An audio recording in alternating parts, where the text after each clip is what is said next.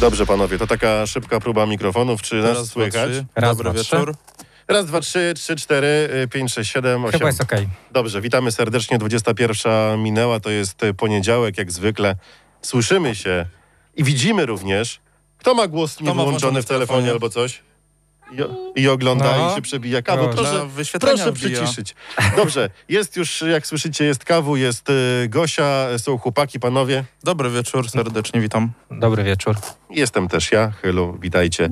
E, za chwilę nasz gość, trochę od, e, od strony kuchni i postaramy się zobaczyć, jak wygląda PG Ekstraliga. Fajnie, że jesteście razem z nami na 899. Witamy też e, was na YouTube. YouTubie. Dajcie suba, walnijcie w dzwonek, żebyście nie ominęli niczego nowego i ciekawego u nas e, na antenie. Ale Lecimy teraz, po 2000.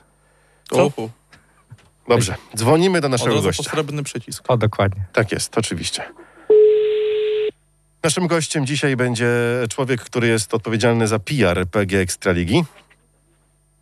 Halo, halo. Dobry wieczór. Dobry wieczór. Witamy serdecznie po drugiej stronie Przemysław Szymkowiak, człowiek, który jest odpowiedzialny do, od PR-u w PG Ekstralidze. Powiedz mi, e, Przemku, czy PG Ekstraliga jeszcze potrzebuje, żeby dokładać do PR-u trochę? No bo jak widzimy na social mediach, jak widzimy, co się dzieje w telewizji, Na to wszystko się ładnie kręci. Kręci się, ale to nie znaczy, że do tego pieca yy, nie dodawać się nie należy. Te, te wyniki, które są, to, to, to jest efekt pracy ostatnich e, wielu lat, pracy w klubach, pracy w spółce Ekstraliga Żużlowa, w telewizji, w social mediach, wszędzie tam, gdzie tego żużla jest coraz więcej, jest zapotrzebowanie na to, więc e, należy, jak to się mówi, kuć żelazo póki gorące. Przemku, ile oprócz ciebie ludzi pracuje, żeby to wszystko tak wyglądało od sprawy mm, właśnie tych, co się dzieje w sieci czy w telewizji, żeby to było dobrze sprzedające się show, no bo nie oszukujmy się, PG Ekstraliga jest takim show, które się dobrze sprzedaje. No jeśli mówimy o takiej stricte wykonawczej, operacyjnej e, strukturze, to możemy powiedzieć o pięciu osobach, jeśli chodzi o marketing e, w PG Ekstralidze. No wiadomo, że współpracujemy z, rozli- z rozlicznymi partnerami, osobami, które gdzieś tam nam pomagają w różnych pracach, które nie wymagają powiedzmy s- codziennego takiego działania, ale są takimi działaniami zleconymi czy działaniami z doskoku. E, No ale gdzieś tam to wszystko trzeba spinać jakimiś własnymi planami, jakimiś szerszymi e, wizjami na to, co to, to zrobić, żeby to się wszystko rozwijało, więc gdzieś tam operacyjnie to jest około pięciu osób. Co w waszej pracy jest najtrudniejsze? Ja myślę, że trudne są kryzysy, jak wszędzie, jak w każdej e, takiej dziedzinie PR-owej, to można powiedzieć, że nie jest sztuką, kiedy wszystko dobrze idzie i kiedy ten produkt jest e, fajnie oglądany w telewizji, ludzie go chwalą, bo są ciekawe mecze. A najtrudniejsze sprawy to są sprawy te, które wymagają zmierzenia się z kryzysem w postaci tego, że coś idzie nie tak no przed sezonem 2020 to, to nie tylko w żużlu, nie tylko w sporcie, ale w ogóle jeden wielki globalny kryzys e, pojawił się i wtedy też to było wielkie wyzwanie pod tytułem czy pojedziemy, jak pojedziemy, e, jak długo będzie trwał sezon, czy zdążymy, czy to się zepnie finansowo, czy zawodnicy będą chcieli jeździć. E, no to wszyscy czytali, słuchali i na szczęście to się wszystko tak potoczyło, że dzisiaj możemy powiedzieć, że ten sezon był w jakiś tam sposób sukcesem dla żużla, dla PG Ekstraligi również.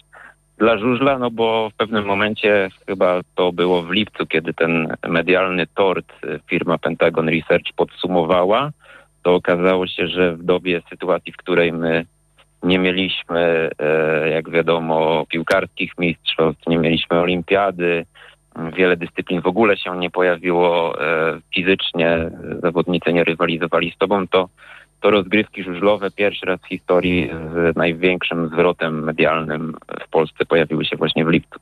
No wiemy, że pandemia koronawirusa to, to, to, było stra- to był straszny czas, nie tylko i dla was, ale i dla klubów, i dla mediów, i dla wszystkich, którzy zajmują się żużlem.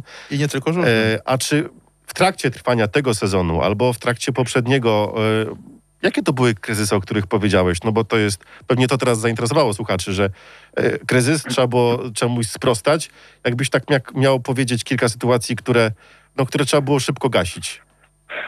gasić, ale też jakby gdzieś tam em, często prostować sytuacje, które gdzieś tam się pojawiały medialnie, może nie tak pokazane, jak to było w rzeczywistości.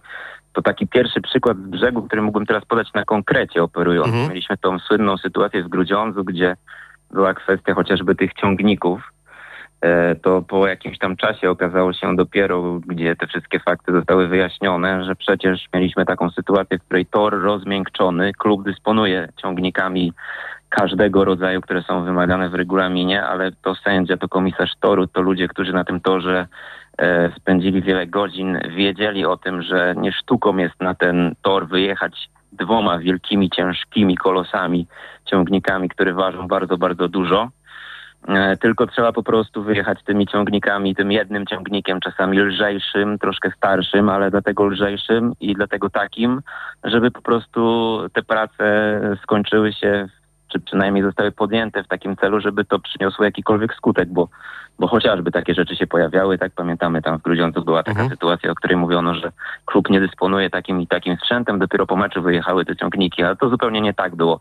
A więc można powiedzieć, że takie kryzysy, no są takie sytuacje, w których gdzieś tam kibic przed telewizorem, czy kibic na stadionie, czy kibic siedzący w internecie uważa, że to coś tam gdzieś nie zadziałało, że ktoś jest winny, że ktoś zrobił coś źle. A jednak w praktyce okazuje się, że jest na tym torze kilku, kilkunastu ludzi, którzy po pierwsze nie pierwszy raz się tam pojawili, którzy nie pierwszy raz mieli do czynienia z deszczem, ze złą pogodą, z sytuacją, kiedy trzeba podjąć e, decyzje. No i oni gdzieś tam podejmują te decyzje, działają w zgodzie z tym, czego się nauczyli, ze swoimi umiejętnościami, całą swoją wiedzą i czasami to z zewnątrz gdzieś tam, kiedy jest źle może wyjaśnione, gdzieś tam źle skomentowane, pokazane, idzie w świat e, w krótkiej i prostej historii ktoś coś zrobił źle, natomiast w praktyce się okazuje, że gdzieś tam te działania zupełnie były sensowne i innych się nie po prostu nie dało zrobić. A Częstochowa, bo ten walkover to też był taki troszeczkę strzał dla wizerunku Ekstraligi i nie tylko. Walkover w żadnej dyscyplinie, myślę, że to, to, to, to jest takie dosyć trywialne, oczywiste, to, to nigdy nie ma tutaj jakby sytuacji, w której jest to pozytywnie gdzieś tam Mhm. odbierane, więc tutaj też, tak, to w miarę szybko się e, jakby skończyło, jeśli chodzi o podejmowanie decyzji przez komisję orzekającą ligi, ale tutaj tym jakby takim elementem, o którym można powiedzieć gdzieś tam z kulis, trudnym, ciężkim, było przede wszystkim to, że ludzie oczekiwali czasami tego, żeby w dniu e, kiedy to się wszystko wydarzyło, od razu była podjęta decyzja. To zresztą taka sama sytuacja jak w przypadku Gorzowskim i tego I meczu rozdzielni. Tak, tak. Wszyscy myśleli, że to takie proste i oczywiste. Przecież coś się zapaliło, coś e, ktoś nie dopilnował, można było to tak, inaczej zrobić. Komentarze są szybkie w internecie, dlaczego to tak długo trwa, już najlepiej następnego dnia powinny być decyzje. Pamiętajmy e, o tym tymczasem, że i w takiej sytuacji, gdzie sędzia podejmuje jakąś decyzję, jest komisarz toru, są jakieś tam procedury, no to przede wszystkim ten człowiek musi wrócić do domu, chłonąć, e, napisać w ciągu tam tych 48 godzin swoje sprawozdanie, wyjaśnić. Zbierane są materiały, monitoring, zapis ciągły z meczu, e, to co jest w telewizji, to co się dzieje w mediach. E, komisja orzekająca ligi prosi o wyjaśnienia. Wreszcie czasami ta komisja orzekająca ligi po jakimś tam czasie, tygodnia, dwóch, czy czasem dłuższym, po analizie tych dokumentów zbiera się na swoim posiedzeniu i na podstawie tych wszystkich przesłanek podejmowana jest decyzja. Troszkę można byłoby to tak przyrównać do przewodu sądowego, w którym też nie dzieje się tak, że jak jest pozew, to następnego dnia jest rozprawa i są, jest wyrok. Powiedziałeś też o współpracy z zawodnikami. Doskonale zdajemy sobie sprawę, że niektórzy żużlowcy należą do tych ciężkich osób i ten kontakt z mediami jest e, utrudniony. Jak to u Was wygląda? Czy zawodnicy podchodzą do Was jako do ekstraligi, jako do przymusu, jeżeli muszą się w jakiejś sprawie wypowiedzieć, czy raczej podchodzą tak bardzo na luzie i z chęcią? Ja uważam, że nigdy do niczego, ni, nikogo nie należy zmuszać do jakichś działań marketingowych, czy do jakiegoś kontaktu z dziennikarzem, tym konkretnym, innym. Więc e, jak to się mówi, z niewolnika nie ma pracownika i też nie ma działania dobrego, jakiegoś e, nastawionego na jakiś e, efekt w postaci tego, że to i kibic, i odbiorca tego działania, tego wywiadu, tego co się dzieje jest e, zadowolony, jeśli ktoś nie jest przekonany do tego, co e, należy zrobić. Więc czasem przy jakimś działaniu nie wiem, związanym, podam może przykład konkretny z tym, że e, ktoś ma wystąpić w programie telewizyjnym, w którym trzeba odgadywać tytuły piosenek, prawda? Mieliśmy taki przykład w zeszłym roku, w którym trzech zawodników wystąpiło e, Smektała, Woryna, między innymi Szymon Woźniak. No byli też zawodnicy, których wydawało nam się, że będą fajnie sprzedani medialnie, ale oni sami na przykład e, rozmawiając z nimi e, stwierdzili, nie za bardzo się czuję w takiej sprawie, tak? Nie słucham muzyki na przykład, nie jestem biegły w tym, nie chcę czegoś takiego robić, więc nie sztuką czasami jest powiedzieć ko- komuś, że no dobrze byłoby, gdybyś to, to, ty to zrobił, tylko lepiej po prostu poszukać innych rozwiązań. I tak to czasami bywa. Ja nawiązując do tego, co pytacie, może też e, tak myślę, że wydaje się też o kwestii wywiadów, tak? Bywają Między innymi. No tutaj pewnie chciał poruszyć e, kwestię Drabika, tak? Bo to Max Drabik był takim No punktem To był zapalnym, że głośny, no... Głośne nazwisko w ostatnich... nawet w e, telewizji sam Tomek Drioła powiedział, że ileż można prosić, tak? I, i, i to pewnie też o, o to chodziło, że kibice oczekiwali od niego pewnych wyjaśnień. Dla was też to nie była niezręczna sytuacja, bo no, to jest taki troszeczkę temat, który powinien być moim zdaniem szybciej rozwiązany dla zawodnika, dla was, dla całej dyscypliny. No tak, tak, tylko pamiętajmy też o jakiejś tam sytuacji psychicznej człowieka, a nie zawodnika, bo trzeba zawsze też to e, rozdzielić, jakby te dwa aspekty, tak? Zawodnik, który jest częścią jakiejś tam klubu, organizacji, występuje, oczywiście powinien i ta kwestia związana z tym, jak on postrzega kibiców, odbiorców, tych, do kogo jeździ, to jest jedna sprawa. Druga sprawa to jest to, co gdzieś tam dzieje się w jego głowie, w jego życiu, w jego sytuacji, o której czasami nie mamy mm, bladego pojęcia, tak? Jak, jak ktoś się czuje, na jakim jest tam etapie samego zrozumienia siebie, swoich problemów. No i tutaj czasami trzeba rzeczywiście podejść do tego ze zrozumieniem, no ale są różni ludzie, tak? No i, i jakby mm, no trzeba czasami pozostawić e, niektóre sprawy takim, jakimi oni, one biegną. Czasami po prostu e, to, to milczenie w niektórych przypadkach może nie pomaga z punktu widzenia tego, że kibice chcieliby coś usłyszeć, Mhm. ale też y, no, no ludzie po prostu tak mają swoje, przeżywają swoje dramaty czasami, związane również z tym, co się dzieje, z tym, że nie jeżdżą, że nie idzie, jak to czasami bywa, prawda? Pamiętamy, wy też pewnie pamiętacie, rozmawiając z zawodnikami, sytuacje, w których łatwo się udziela wywiadu, kiedy jest wszystko ok, tak? Kiedy ktoś zdobywa medal, kiedy drużyna wygrywa, a często bywa też tak, że nawet ci najlepsi, ci, ci z którymi wam się super rozmawia, czasami po przegranym meczu po prostu mają wszystkiego dosyć i no nie udzielą rozmowy w tym momencie. Może to kiedy ochłoną za dzień, dwa następuje, a czasami wcale, no bo po prostu potrzebują tego momentu, żeby być tylko ze sobą. I tu masz rację w zupełności, bo jak mecz drużyna wygrywa, to można chodzić z mikrofonem po parku maszyn. Można było, jak jeszcze można było. I, Mhm. I rozmowa się kleiła, mecz przegrany to taki, że wpadasz z mikrofonem do parku maszyn, ma. nikogo nie ma. Jedynie może być menadżer, trener wystawiony na strzał od dziennikarzy i, i tyle.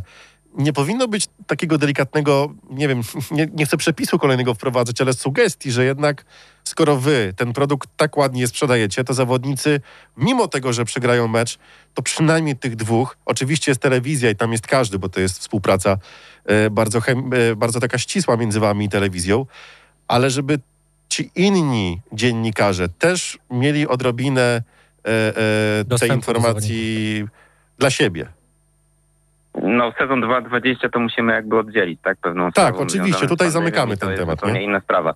Ja powiem, jak to było przed 2019. To był taki rok, kiedy pojawiły się te telewizyjne konferencje prasowe, Mixzona, bo wszyscy, telewizja, my uznaliśmy, że to, co było wcześniej, było troszeczkę mniej ciekawe dla widzów. Mhm. Najpierw powiem może o tej sprawie telewizyjnej, że kibic, który ogląda ten mecz, kończy się ten mecz, oczekuje, żeby ci dwaj bohaterowie z jednej i z drugiej strony zasiedli przed e, właśnie tym kibicem i wypowiedzieli się na gorąco szybko, więc to e, powodowało, że tych dwóch zawodników jakby ta telewizja pochłaniała. No i mieliśmy też sytuację zarówno od trenerów, od zawodników, od też dziennikarzy niektórych e, z taką właśnie ich diagnozą tego, co było kiedyś. Kiedyś było tak, że dwóch zawodników plus trenerzy szli do sali konferencyjnej, w której odbywała się konferencja prasowa i ta diagnoza z ostatnich powiedzmy tam pięciu, sześciu lat była taka, że trenerzy mówili, że na tych konferencjach y, nikt nie zadaje pytań, zawodnicy siedzieli tam, a musieli tam być, bo to też było związane z wymogiem regulaminowym i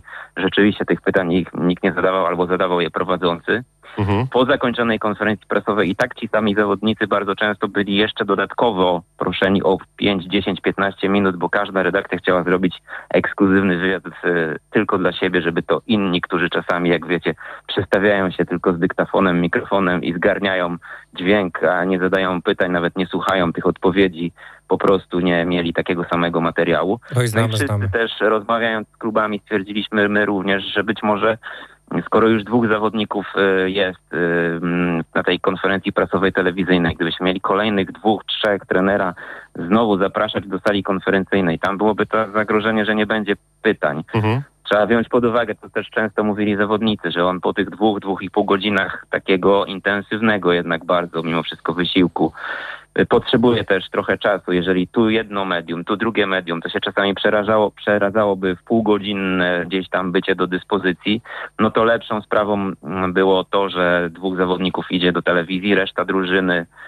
ma czas na to, żeby zrobić tą honorową rundę dla kibiców, wyjść na, na koronę, na tor, e, żeby się z nimi po tych zawodach e, pożegnać, podziękować i tak dalej. No ale też, żeby tym zawodnikom znowu nie zabierać 40-30 minut, to zamknęliśmy to regulaminowo do tego, że jest te 15 minut dla mediów po zwolnieniu motocykli, po ewentualnych protestach i e, jak to się mówi, żeby był wilk syty i owca cała, czyli żeby i telewidzowie byli zadowoleni, ci, którzy nie są e, na stadionie i nie są dziennikarzami, żeby i ci zawodnicy nie byli męczeni przez te media przez pół godziny, no ale żeby też jakby była ta dyspozycja tych 15 minut, po których zawodnik powinien e, być e, w parku maszyn w obrębie swojego boksu, czy w obrębie tej mix zony do dyspozycji mediów. To akurat tak było te 15 minut. No trochę człowiek poczekał, ale, ale to było do przełknięcia. I, i, I to było fajne. Inny przepis, który pewnie w tym sezonie też ci się e, rzucił na klatę, musiałeś się z tym zmierzyć, to jest przepis gościa. Ja rozumiem założenie PG Ekstraligi na początku sezonu, bo tak naprawdę nie wiedzieliśmy, kto będzie chory. To Nie będzie mógł przyjechać. Tak, nie wiedzieliśmy, który zawodnik zagraniczny dostanie zezwolenie od swojej federacji, żeby u nas wystartować. No istniała taka możliwość, że jedna drużyna może mieć tylko czterech zawodników do jazdy i co z tym fantem zrobić? Jest gość, pojawił się gość, w takim wypadku bierzemy zawodnika z niższej ligi. Skończył się sezon i przyznajmy się, że nie wszystkie kluby wykorzystały ten przepis tak jak było to w zamierzeniu. Może ja się mylę, że było takie zamierzenie. Czy już ten problem, no wiemy, że został wyprostowany, bo jeszcze w trakcie trwania e, sezonu była sezonu. informacja, że gość pozostanie, ale tylko w przypadku potwierdzonego COVID-19. Dokładnie. Ja odpowiadając na twoje pytanie też posłużę się tym prostym takim przykładem, jak to się wszyscy my w Polsce, na świecie zachowywaliśmy gdzieś tam e, w lutym, marcu, kiedy często było tak, że mm, ludzie bali się wyjść do sklepu, bali się zrobić zakupy. Wtedy był taki też moment, gdzie wszyscy zakładali rękawiczki, dotykając rzeczy w, w marketach. Mm, Potem gdzieś tam to się wszystko e, mm, zmieniało. Oczywiście dzisiaj mamy COVID i tak dalej. Ludzie e, oczywiście są bardziej może e, poinformowani, też wiedzą, co, co robić i, i jak się zabezpieczać przed tym, żeby zachować dystans i tak dalej, i tak dalej. Ale dzisiaj już mamy większą samoświadomość tego, jak to wygląda tak na świecie, w Polsce. I tak samo można byłoby powiedzieć, jeśli chodzi o to, co powiedziałeś, jeśli chodzi o gościa, o, o sytuację. W lutym, w marcu, w kwietniu tak naprawdę nie było wiadomo, ile tych zawodników e, zagranicznych zdecyduje się na jazdę, ilu Polaków e, też będzie jeździć, e, ilu zawodników, żużlowców dotknie COVID, czy nie będzie problemu z tym, żeby skład wystawić na dany mecz. W związku z tym te decyzje, które były podejmowane wtedy, musimy się jakby wczuć w, w rolę tworzących regulamin wtedy, kiedy były te dyskusje o tym, jak zareagować. No i wtedy pojawiła się ta sprawa właśnie związana z tymi gośćmi, którą dzisiaj z perspektywy mm, miesięcy, roku już za chwilkę pewnie, zupełnie inaczej oceniamy i dzisiaj mamy inny regulamin. Jest co najważniejsze wyciągnięcie wniosków z tego, jak było jak powinno być w, w 2.20, więc y, no, musimy to postrzegać przez pryzmat tego, że wtedy wielu e, mówiło, że być może nie uda się wystartować. Wręcz inne ligi, jak wiemy, chociażby angielska, no nie wystartowały, więc to tak by trzeba było troszeczkę szerzej i troszeczkę bardziej tak z różnej perspektywy na to spojrzeć. Powiedz Przemku, czy mieliście już takie zebranie, które podsumowało ten sezon 2020 i czy już wiecie, jakie wnioski z przepisów, z regulaminów i, i z tego, jak będzie wyglądał, miejmy nadzieję, normalny sezon 2021, bo liczymy na to, że on wystartuje tak, jak Pan Bóg przykazał, bez, bez żadnych e, opóźnień. E, Mhm. Czy już macie plan, jak to będzie wyglądać w Jakiś przyszłym zarys sezonie?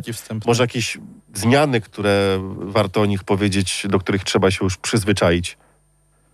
To znaczy e, regulamin organizacyjny, czyli te sprawy, o których rozmawialiśmy, te Mhm. takie sprawy związane z marketingiem, z bezpośrednim przebiegiem meczu i tak dalej w PG Ekstralidze, to jeszcze jest gdzieś tam ustalane. Mamy początek grudnia, więc te konsultacje z klubami co do tych najważniejszych rzeczy e, związanych, mówię, stricte z PG Ekstraligą trwają, natomiast te wszystkie rzeczy związane z regulaminem sportu żużlowego, przynależności klubowej i innymi sprawami, to, to te rzeczy, które gdzieś tam już od chyba blisko pewnie miesiąca zostały, e, zostały wprowadzone w życie i opublikowane, jeśli chodzi o ogólnie regulaminy sportowe. No i co? No tu ta, ta najważniejsza taka rzecz, co do której pewnie e, kontrowersje, nie wiem, czy to, to ocenimy to pewnie za rok, dwa, trzy, ale o której trzeba powiedzieć, to ten zawodnik, e, który jest zawodnikiem U24, prawda? To Mhm. taka jedna z najważniejszych nowości, jeśli chodzi o sytuację światowego żużla, bo wiemy, że dzisiaj przy e, decyzji Antonio Lindbecka, jeśli chodzi o Szwedów, to tak naprawdę moglibyśmy ich, to gdybyście teraz mieli wymieniać pięciu najlepszych Szwedów e, 2021, to, to ilu byście ich wymienili? Wymienilibyście pięciu, którzy by się kwalifikowali do takiej, no powiedzmy, takich pewniaków? Y, Jest ciężko, prawda? Jeśli mamy wymienić Czechów, e, Możemy wskrzeszać idąc- tych, którzy już nie jeżdżą. Właśnie, jeśli mamy wy wymieniać takich zawodników, to musielibyśmy dojść do sytuacji, w której rzeczywiście no, musielibyśmy zawodników ponad tam 40-letnich gdzieś tam yy, wyciągać, że tak powiem, za uszy. Jednak mamy PG Ekstraligę, najlepszą żużlową ligę świata i to teraz, ta liga nie jest zieloną wyspą, tak? To nie jest tak, że e, tylko Polacy. To nie jest też tak, że ci najlepsi jakby nie stanowią miejsca do rozwoju dla tych, którzy nie mają ligi, jak na przykład Australijczycy, prawda? Co roku przyjeżdżają do tej ligi zawodnicy typu właśnie Jamon Lindsay z e, ostatnich dwóch lat. Jego kariera się rozwija błyskawicznie. Mhm. No i wreszcie cała grupa tych polskich zawodników, którzy mają 20, 21, 22, 23 lata. E, Ktoś powie 24, a dlaczego nie 25? No gdzieś tam zostało to przeliczone, tak? Kiedy decyzje były podejmowane przez Polski Związek Motorowy, zarząd PG Ekstraligi, e, zespół ekspertów, który się tym regulaminem zajmował od, od dłuższego czasu, to e, między innymi została zrobiona analiza związana z tym, ilu na świecie, czyli w tych krajach, w których się uprawia żużel, tych krajów aż tak dużo nie ma, żeby ich nam nie policzyć, to ilu tych zawodników jest do 23, do 24, do 25 roku życia to analizowano. No i z tych liczb wyniknęło, że najoptymalniej będzie, jeżeli to będzie właśnie taka kategoria U24, aby po pierwsze Polakom, których troszeczkę jest w tej kategorii 22-23, powiedzmy kończących wiek juniora, dać jeszcze e, troszkę więcej szans do pokazania się do rozwoju, aby też gdzieś tam ci zawodnicy typu, teraz mamy takich zawodników kilku w PG którzy się pojawili, jeździli gdzieś tam w niższej lidze, zabłysnęli, prawda, mamy kilku Duńczyków, którzy się pokazali z fajnej strony w pierwszej lidze, a, a będą teraz jeździć w Ekstralidze. E, No, no gdzieś tam, żeby odświeżyć troszkę to towarzystwo, a jednocześnie dać szansę do tego, żeby się pojawiły nowe nazwiska i młodzi chłopacy, żeby mieli ja tutaj nie chcę powiedzieć o sprawie, bo często ludzie mówią, że jak ktoś jest dobry, to się rozwinie. To, to jak jest dobry, to sobie poradzi, on będzie miał 20 lat i już będzie pokonywał seniorów y, w lidze. Ale pamiętajmy też, że taki zawodnik, który ma 20, 21, 22, 23 lata, czasami bardzo często jest na swojej drodze sprzętowej gdzieś tam y, w sytuacji trudnej i być może ten jeden, dwa lata, w których on e, w PG Ekstralidze pojedzie, zacznie punktować, będzie zarabiał, spowoduje, że e, w pewnym wieku 20, nie wiem, 5, 6, 7 lat, to już będzie taki potencjał, że e, jakby te pieniądze, które zarobił, ten rozwój sportowy pozwolą mu się rozwijać. E, Kończąc e, ten wątek jeszcze, to powiedzmy też o sytuacji, w której było takie troszeczkę, jak może pamiętacie, w ostatnich trzech, czterech, pięciu latach przywiązanie do pewnych nazwisk zawodników, którzy mieli nazwisko gdzieś tam ktoś 3-4 lata temu odnosił sukcesy, jeździł w Grand Prix, spadł z Grand Prix, e, balansował pomiędzy e, Ekstraligą, pierwszą ligą, przywoził słabe punkty, ale cały czas stawiano, prawda, na tych zawodników starszych. Dzisiaj mamy sytuację, w której jest, nie wiem, strzelam, Jepesen, jest Pirkemoze, jest e, e, kilku innych chłopaków, którzy no po prostu może dostaną szansę i może to będą w przyszłości zawodnicy ze światowej czołówki, tylko muszą się rozwinąć, muszą troszeczkę więcej e, lepszego sprzętu, troszeczkę więcej tej jazdy z najlepszymi zasmakować i, i oceńmy ten U24 przepis za, za rok, dwa. Zadam pytanie. Poczekaj. daj mi- Poczekaj, bo jeszcze odnoszę tego U24. No Chcesz? właśnie tak, A, właśnie w, w tej sprawie. E, Chcę zadać pytanie chyba, na które każdy gdzieś tam oczekuje tej odpowiedzi. Dlaczego zawodnik U2, e, polski zawodnik U24 nie wlicza się jako ten regulaminowy zawodnik e, polski, jako polski senior do składu? Ja myślę, że odpowiedź jest prosta. Intencją, y, intencją jakby pomysłodawców tych zmian regulaminowych było też to, żeby tych polskich zawodników y, troszeczkę forować. No nie ukrywajmy tak też tego, że jesteśmy w polskiej lidze i powinniśmy mieć taką sytuację, w której tych zawodników jednak w tym składzie powinno być troszeczkę więcej. No, e, nie chcę tutaj znowu gdzieś tam podawać konkretnych przykładów lig, bo nie o to chodzi, żebym mówił o siatkówce, koszykówce, hokeju, piłce nożnej czy o innej dyscyplinach, ale spójrzmy czasem też na te parkiety, na przykład na te halowe rozgrywki, ilu tam czasami w niektórych dyscyplinach gra Polek i Polaków, prawda? Pamiętajmy też o tym, że to czasami trzeba też jakby no, chronić tych polskich zawodników pod tym względem, żeby troszeczkę ich było więcej, więc tutaj jakby e, zamknięcie się na to, żeby to było wliczone do tego limitu pewnie mogłoby spowodować, że polskich zawodników, którym z jednej strony dajemy szansę, bo podwyższamy jakby ten limit między 21 a 24, pojawia się to okienko dla takich zawodników typu, nie wiem, Norbert Krakowiak chociażby, a z drugiej strony gdybyśmy doprowadzili do sytuacji, że no, liczymy tych zawodników do tego limitu, no to wtedy no, troszeczkę trudniej byłoby też tym Polakom, byłoby pewnie ich mniej w tych składach. Mhm. Y, Dwa pytania. Pierwsze takie, które też y, gdzieś tam kibice poruszają, my słyszymy, bo to do nas do, dociera i się od nas obija. Y, Czy nie, nie boicie się tego, że ten przepis, który no, założenie ma słuszne, tak jak mówisz, będzie trochę mm, takim strzałem w kolano, bo ta liga zwolni, że ten zawodnik, który jest po wieku juniora, będzie musiał być w składzie ekstraligowym. Często to nie będzie zawodnik, który będzie miał takie papiery na jazdę jak Smektała, Kubera y, czy Lambert. I tutaj może być problem, bo widowisko troszeczkę siądzie i to nie będzie już taki spektakularny żużel. Można odbić piłeczkę i powiedzieć, czy to z kolei nie ułatwi czasami z drugiej strony prezesom i nie, nie ułatwiło prezesom klubów e, ekstraligowych podejmowania tej e, decyzji, żeby dać szansę młodemu. Bo mm, e, jak rozmawiam czasami z jednym z trenerów, który dzisiaj już nie jest trenerem żadnego klubu PG ekstraligowego, ale on mi mówi zawsze tak, kiedy konstruowaliśmy skład, kiedy konstruowaliśmy budżet, prezesem rozmawialiśmy na temat oczekiwań mojego klubu środowiska, to on mi zawsze mówił, że łatwiej jest dać szansę komuś ze sprawdzonym nazwiskiem 40-latkowi, 40-kilkulatkowi, który gdzieś tam przejeździł 5-6 klubów, czasami zdawało, udawało mu się może i nawet sięgnąć po brąz w Grand Prix czy w dawnych indywidualnych mistrzostwach świata, bo to jest uznane nazwisko. Jak nie wyjdzie z uznanym nazwiskiem, to zawsze jest się łatwiej wytłumaczyć, no po prostu zakontraktowaliśmy gościa, który ma nazwisko, nie udało się, Mhm. a jak się zakontraktuje zawodnika młodego, y, którego nikt nie rozpoznaje z takich kibiców mniej zagorzałych, to przy nieudanym sezonie często pojawiało się pytanie, a po co dawaliście szansę takiemu młodemu chłopakowi bez doświadczenia? Może należało postawić na to tak zwane uznane nazwisko. Być może będzie teraz tak, że ci młodzi właśnie, no niejako troszeczkę też z przymusu, że jest taki przepis, dostaną tą szansę, a świat do młodszych jednak należy, tak? Żeby rozwijać się, to trzeba stawiać na młodych, na młodych piłkarzy się stawia, stawia się na młodych koszykarzy, mówi się często o tak zwanym odmładzeniu kadry i tak dalej, i tak dalej. To może to też jest taki sposób, który ułatwiłby i ułatwi podejmowanie decyzji.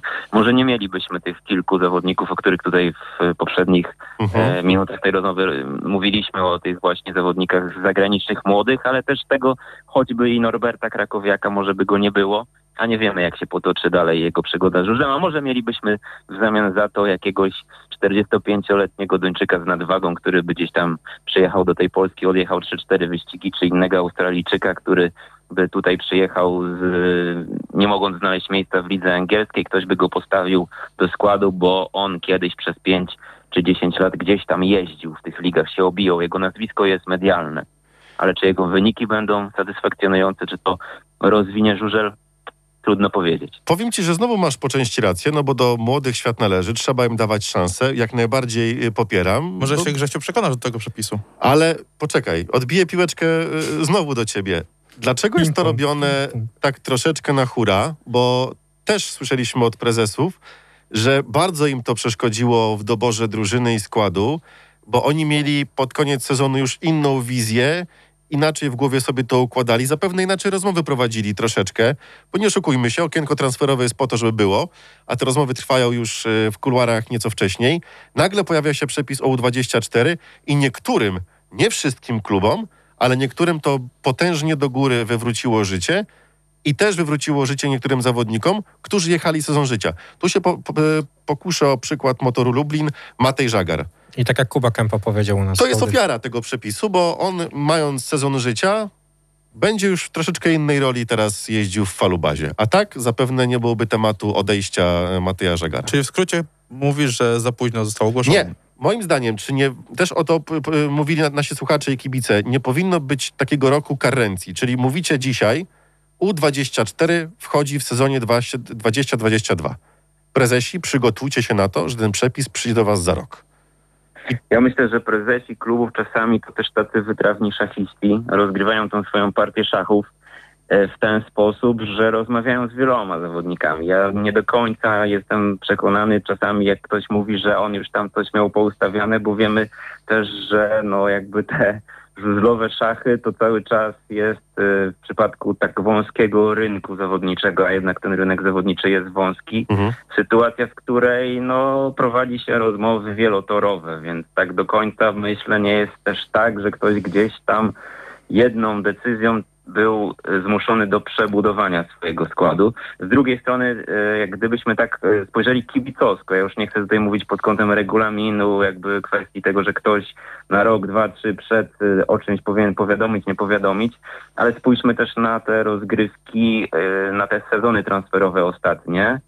Czy waszym zdaniem tegoroczny nie był najciekawszy, jednym z ciekawszych Nie, no w ostatnich pięciu latach? Był zdecydowanie trochę W szczególności się w pierwszej lidze. Tak, troszkę te klotki, gdzie jeżeli ktoś mówi i rzeczywiście tak było z prezesów, bo nie wiadomo, czy tak było, bo czasami mm, no to są wewnętrzne gry, które gdzieś ktoś gra z zawodnikami, e, transfery się e, dokonują, ale wcześniej czasami się zdarza taka sytuacja, że ktoś z kimś już sobie rękę uścisnął i się okazuje, że nie ma tego zawodnika, więc e, no może ten, ten okres transferowy też spowoduje, że te rozgrywki będą ciekawsze.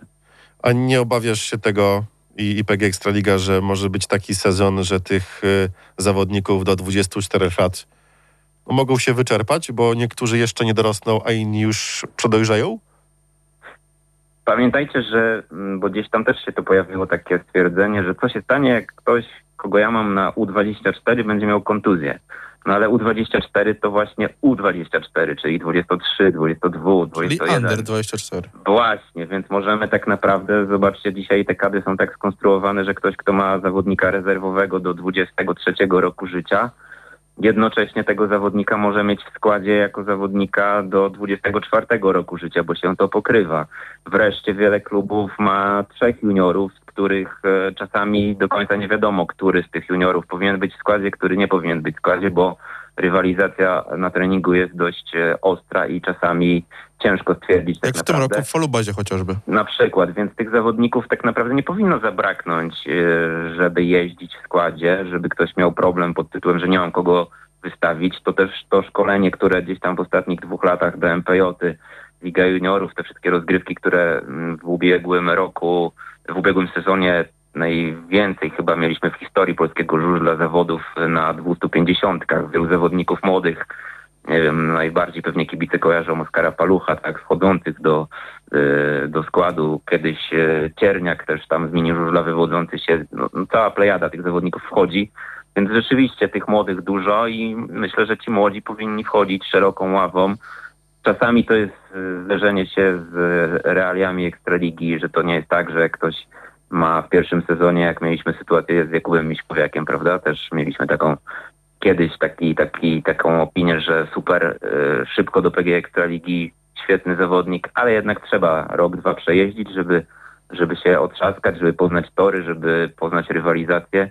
Więc y, konkludując, młodzi, młodzi, jeszcze raz młodzi, na pewno będzie to z rozwojem dyscypliny. Tylko wiesz, chciałbym uniknąć sytuacji, która miała miejsce kilka sezonów temu, kiedy zawodnik pewnego klubu wywraca się na wirażu, bo jest y, wzięty, dano mu szansę, bo był młody, a juniorzy, którzy mieli jeździć w tym klubie, no troszeczkę się pokontuzjowali. I on dostaje od sędziego czerwoną kartkę, bo no, zawinił delikatny brak umiejętności, wyłożył się na, na wirażu, dostał czerwoną kartkę i do końca tego meczu już nie wystąpił. Więc tutaj z jednej strony mówicie, dajemy szansę młodym, a z drugiej strony mamy sędziów, którzy mogą reagować bardzo gwałtownie na takie sytuacje. Zbyt pochopnie. Zbyt pochopnie, bo wiadomo, też liczy się bezpieczeństwo i zdrowie zawodników tych topowych, które, e, którzy jeżdżą bardzo dobrze, a obok nich pod taśmą stanie młodziak, który może być, e, który może mieć gorącą krew, ale nie na tyle umiejętności, żeby walczyć jak równy z równym w PG Ekstralidze. Boję się, żeby komuś się nie stała krzywda i żeby sędziowie za bardzo tego nie odebrali tak zbyt pochopnie. Tego się obawiam. Mam złe obawy? Obawy. No, sytuację, do, o której mówisz, to mieliśmy taką sytuację w sezonie 2.20, jeśli chodzi o e, zwłaszcza chyba jeden mecz z udziałem PGG Roworybnik, gdzie mieliśmy taką sytuację, że rzeczywiście zawodnicy sobie nie radzili. Natomiast w ostatnich latach ja szczerze mówiąc oglądam wszystkie mecze i nie za bardzo kojarzę zawodników, którzy do tej PG Ekstraligi przez trenera są do składu desygnowani i nie radzą sobie, jeśli chodzi o jazdę. Ja bym powiedział inaczej. A takie sytuacje już widziałem, jeśli chodzi o inne rozgrywki międzynarodowe, włącznie z indywidualnymi mistrzostwami świata juniorów, a nawet Sonem czy kiedyś Speedway World Cup. To tam prędzej zdarzały się takie sytuacje, że młodzi zawodnicy, ci juniorzy właśnie z krajów typu Czechy, Węgry, Ukraina, Słowenia, Słowacja i tak dalej sobie nie dawali radę. Natomiast polscy juniorzy uważam, że jeżeli ktoś jest w kadrze yy, i jest desygnowany z tej kadry do składu na mecz PG Ekstraligi, to trener najczęściej w 99,9% przypadków jest przekonany co do tego, że umiejętności tego chłopaka są na tyle duże, że on sobie poradzi z jazdą w PG Ekstralidze, mhm.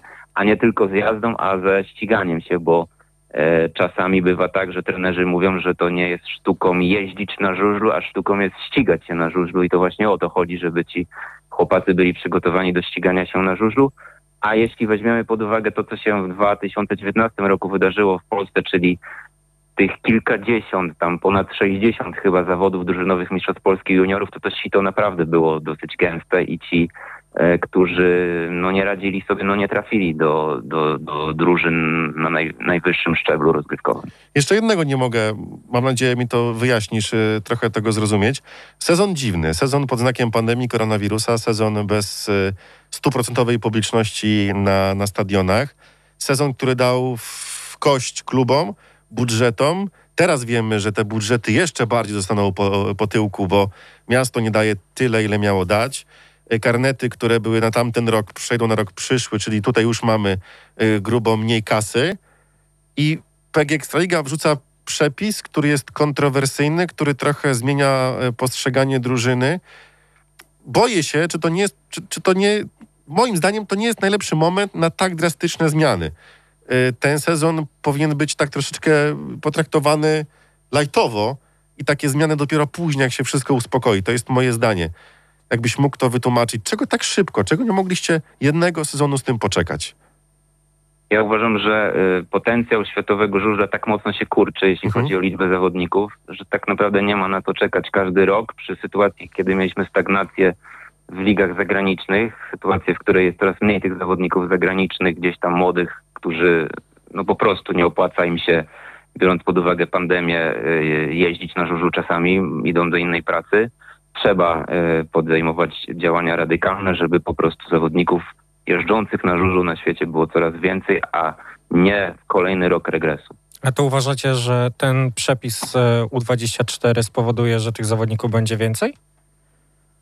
Ja uważam, że szanse na to, że ktoś przyjedzie do Polski i uzna, że w Polsce jest przed nim rozwój kariery typu e, Licej czy Riul na przykład w Lesznie, młody Ukrainiec, młody Rosjanin, młody Czech, czy świetnie rokujący jakiś tam gdzieś, którego dzisiaj może nie zdajemy sobie sprawę, że jest, e, a jest na przykład w Lokomotywie Łotysz, tak? E, No, przy założeniu, że mają większą możliwość, większy potencjał, może spowodować, że ci zawodnicy rzeczywiście przyjeżdżając do Polski, tak jak macie przecież przykład w Lublinie Wiktora Trofimowa, prawdopodobnie Mhm. gdyby na Ukrainie jeździł na żużlu przy rozwoju żużla na Ukrainie, który jest jaki jest, to pewnie dzisiaj nie byłby takim zawodnikiem, jakim jest, tak? Więc to, to jest taka szansa do tych rodzynków, którzy no, muszą gdzieś tam zaryzykować, tak? Przy- Tak jak kiedyś się mówiło, że ktoś brał dwa silniki mm, do torby, jeżeli był już jakimś tam ukształtowanym zawodnikiem, jechał do Anglii i tam się uczył żużla, a czasami przylatywał z gdzieś tam innego kontynentu y, i, i nie miał nic po prostu i miał kolegę w postaci Jasona Krampa, który się nim opiekował i to się to powodowało, że po iluś tam latach został światowej klasy żużlowcem, to dzisiaj może to jest szansa dla e, tych zawodników od, z tych nacji, o których mówiłem, że gdzieś tam w ich krajach jest mniejsza możliwość rozwoju, to może ta Polska będzie. Musimy patrzeć na to też pod tym kątem, że jesteśmy, skoro jesteśmy w Polsce tą e, najlepszą żużlową ligą świata, skoro żużel w Polsce jest najlepszym żużlem, to też musimy być tym oknem wystawowym na świat, to tutaj powinny się kształtować kariery najlepszych zawodników. Tak, zresztą tutaj ci najlepsi zawodnicy się wychowali, tak, bo Emil Sajfudinow jako 16-latek trafił do Polski, rozwinął się. E, Mieliśmy przykłady Australijczyków, rozwijali się. Może trochę inaczej to wygląda w przypadku Duńczyków, Szwedów, tak? Oni jednak bardziej tutaj gdzieś tam krążąc po, po linii Skandynawia-Polska, no ale mimo wszystko gdzieś tam ta kolebka takiego wychowania, uzyskania pieniędzy na rozwój, to Polska. To ja jeszcze zadam pytanie odnośnie do tego, powiem, co wcześniej Chylu tutaj mówił o tych najlepszych zawodnikach, bo mówi, że mm, Polska tak jakby ma pomagać w rozwoju tego całego żużla na świecie. Ale z drugiej strony, czy ci zawodnicy młodzi, którzy przyjeżdżają, mają od razu dostawać szansę w Ekstralidze? No bo ja rozumiem ten przepis że- o U24, że jest właśnie wprowadzony po to, żeby dać szansę tym młodym zawodnikom. Sam zresztą o tym powiedziałeś. Ale czy na przykład początkowo nie było można tego wprowadzić tylko w pierwszej lub w i w drugiej lidze, lub nawet w drugiej lidze, żeby tych zawodników jakby tam uczyć się jazdy na polskich torach?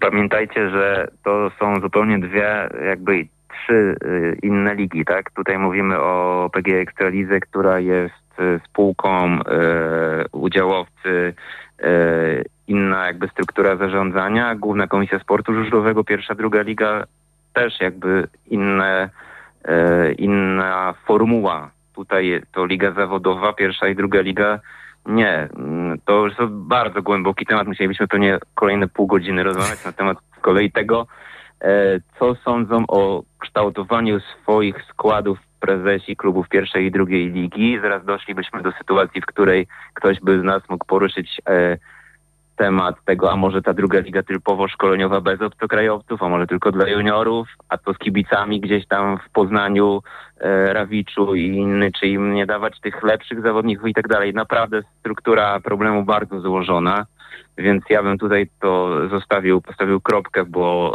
e, kolejna godzina e, rozmowy by nam się chyba szykowała. Wiesz co, chciałem cię zapytać o, to dwu, o taką dwutorowość żużla w Polsce, ale sam to teraz y, powiedziałeś, że jest pierwsza, druga liga i GKSZ i Ekstraliga jako ta najlepsza liga, taka wisienka na torcie.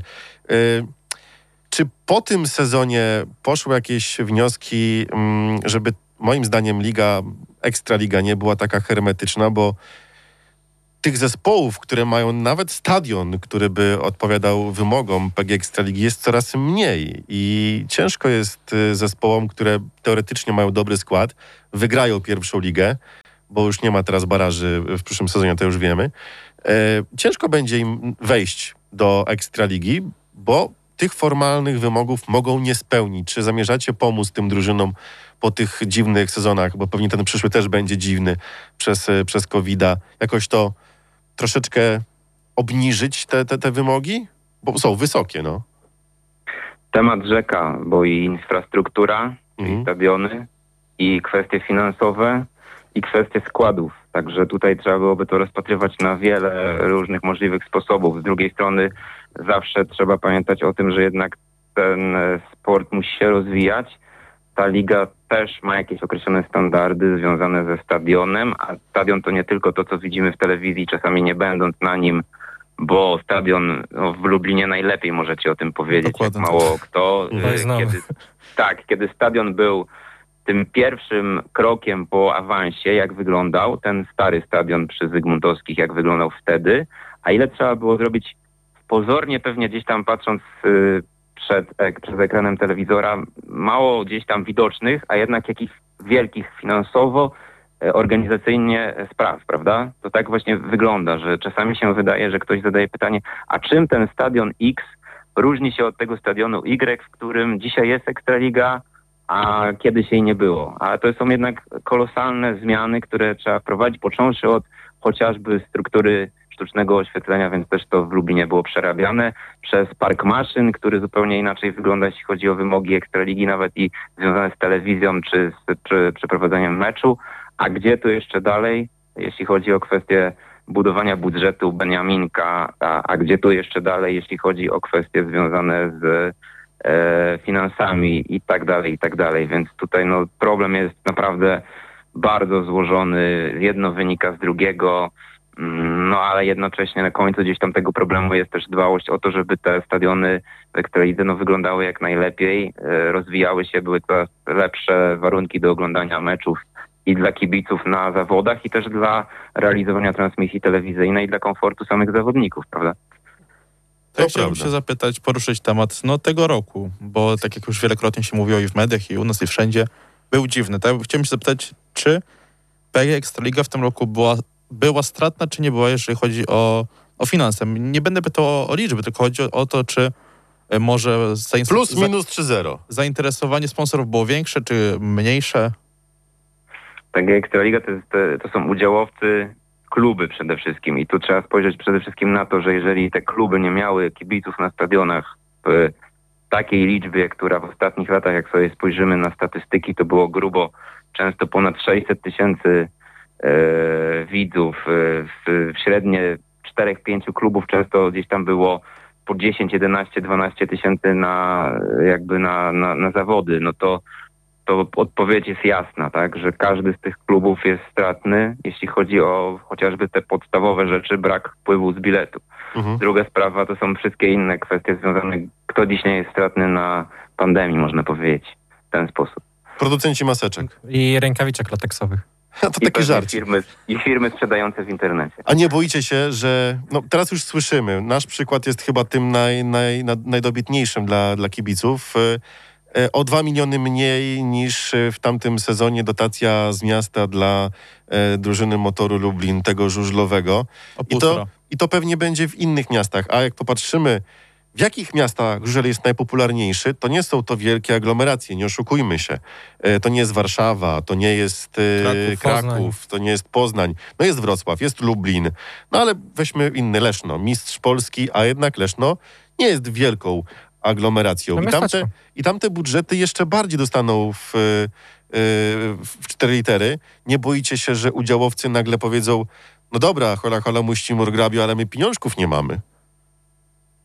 Ja ufam w to, że ci, którzy te budżety planowali gdzieś tam w tych klubach, to są na tyle doświadczeni menedżerowie, na tyle świetnie zarządzający swoimi klubami, że mają świadomość tego wszystkiego, więc też nie zaglądając nikomu do kieszeni, e, powinniśmy założyć, że tak ktoś konstruuje budżet, żeby ten budżet był zrealizowany.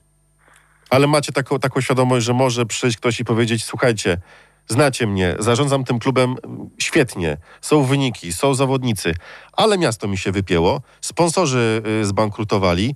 No, panowie, nie mam. Zawodnicy będą chcieli y, swoich wypłat. Ja naprawdę nie wyciągnę, bo nie mam. Macie plan awaryjny na taką sytuację, bo to jest bardzo realne. No nie oszukujmy się, jest y, kryzys, ma być jeszcze gorzej, a nie lepiej, więc to nie jest tylko od prezesów i menadżerów zależne, to też jest zależne od tych ludzi, którzy ich dotują, a jak wiemy, kibiców jest mniej, nie wiadomo czy będzie komplet w przyszłym sezonie, w karnetów, karnetów raczej nie będzie w niektórych klubach, bo to wszystko jest na oddawane na przyszły sezon i robi się problem, bo sponsor, ten główny kibic, tych funduszy nie wniesie aż tak dużo do, do, do klubu. Problem, który jak e, pewnie też czytacie rozmowy z prezesami wielu klubów, to ta, takie wywiady się gdzieś tam ukazywały w mediach, to oni właśnie zakładają dzisiaj e, w tych e, gorszych scenariuszach, że będą mieli średnią e, tych kibiców na, e, na meczu, może w przypadku, jeżeli będzie 50% na stadionie e, dopuszczalne, Mhm. w granicach 5-6 i te budżety krojone były już teraz na taką sytuację gorszą, a nie lepszą, więc y, bądźmy dobrej nadziei, bądźmy e, optymistami co do tego. Mamy początek grudnia, że niedawno za, zakończony okres transferowy i tworzenie tych budżetów to jest rozsądne, to nie jest tworzone gdzieś tam na bazie kartka papieru i e, po jednej stronie zyski, po drugiej stronie to, co możemy stracić i, i, i hura optymizm z lat tam znanych 90. I, i kiedy mieliśmy takie sytuacje, że, że ktoś się przeliczył. U nas Dzisiaj nawet nie w latach naprawdę- 90. tak było. Dzisiaj to jest inaczej funkcjonujący system licencyjny, system, e, w którym od no, wielu już sezonów nie ma problemów z wypłacalnością. Także spokojnie.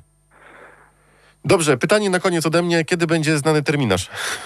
Sam chciałbym wiedzieć, jak to było w pewnym y, polskim filmie. Y, Żartuję oczywiście. To jest kwestia, myślę, kilku najbliższych dni. Nie chcę Mhm. mówić, że to jest ten czy przyszły tydzień, ale musimy jeszcze uzbroić się w cierpliwość pod tytułem Poznajmy e, lokacje imprez międzynarodowych w Polsce. Jak wiecie, mamy w terminarzu Seku na przykład czy Grand Prix jeszcze po pierwsze brak lokalizacji konkretnych. Mamy terminy, ale nie mamy lokalizacji. Nie wiemy, co będzie do końca też przecież z terminarzem, jeśli chodzi o Grand Prix. Dzisiejsza decyzja związana z Warszawą to jest przecież na przykład jeden dodatkowy wolny weekend.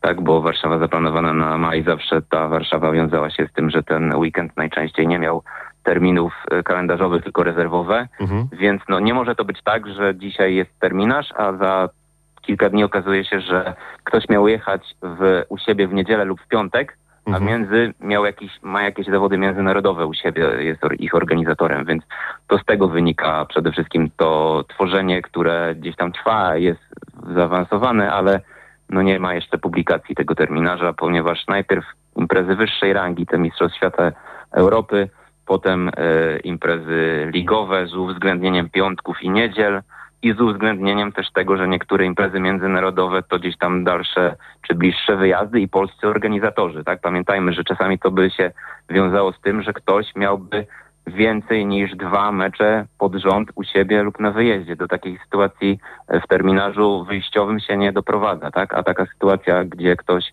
jest organizatorem imprezy międzynarodowej u siebie, Mhm. a nie wiemy dzisiaj, y, kto to będzie na przykład oficjalnie, no mogłaby spowodować coś takiego, że ten terminarz z dnia na dzień do góry nogami, więc y, chwila jeszcze naprawdę, zawsze to y, w ostatnich trzech latach było gdzieś tam w okolicach połowy grudnia przed świętami zawsze, więc w tym Ale roku bierzecie ten scenariusz optymistyczny, że zaczynamy tak jak trzeba. Zaczynamy y, w kwietniu. Dobrze. No właśnie, to, to chciałem teraz zapytać, czy po doświadczeniach w tym sezonie będzie łatwiej zorganizować przyszły sezon? Łatwiej pod tym względem, że no zaczniemy tak jak zawsze było w kwietniu. Pod tym względem na pewno mamy regulaminy wypracowane, te, e, które się sprawdziły, jeśli chodzi o całą kwestię sanitarną. Wszyscy jesteśmy dzisiaj i w Polsce, chyba i na świecie troszeczkę mądrzejsi. Jak widzicie, rozgrywane są mecze w różnych, bez publiczności to prawda, ale w różnych reżimach sanitarnych, w różnych ligach halowych. e, Plany związane z piłką nożną gdzieś tam daleko idące, z żużlem również, więc tutaj jakby ten sport gdzieś tam wypracował pewne rozwiązania i te rozwiązania na przyszły sezon, jeśli chodzi o kwestie sanitarne, będą kontynuowane. A czy PG Ekstraliga jako, tako, jaki, jako zarząd, y, jako organ zarządzający jest zadowolony z tego sezonu pod względem e, organizacji i przestrzegania zasad sanitarnych, jakim były w Ekstralidze? Zawsze może być lepiej. E, To, to na pewno. Natomiast e, jeśli chodzi o wszystkie procedury, mieliśmy sytuacje przecież tak, e, takie dwie najbardziej takie kryzysowe związane z tymi przypadkami, związanymi z badaniami i z pozytywnymi wynikami. No to się wszystko sprawdziło, tak? Mhm. To nie było tak, że coś się dzieje i zastanawiamy się, jak robić. Procedury były wypracowane wcześniej. Jeśli tak, to tak. E, Badamy e, zawodników, mechaników, osoby w parku maszyn, wydzielamy strefy, więc to się sprawdza. Więc tutaj jakby pod tym względem można być zadowolonym, że no, wprowadzono taki reżim, który się sprawdził. Na początku wielu tam gdzieś tam kręciło nosem, a dlaczego ja nie mogę wejść, a tu jeden więcej, jeden mniej, dwóch więcej, dwóch mniej. Okazało się, że no, wiele tych spraw e, po prostu tak ustalonych wcześniej zdało egzamin. Gdzieś tam ta wydzielona strefa parku maszyn z badaniami. Potem w drugiej części sezonu, jak pamiętacie, badania były częściej przeprowadzane, bo też to miało znaczenie.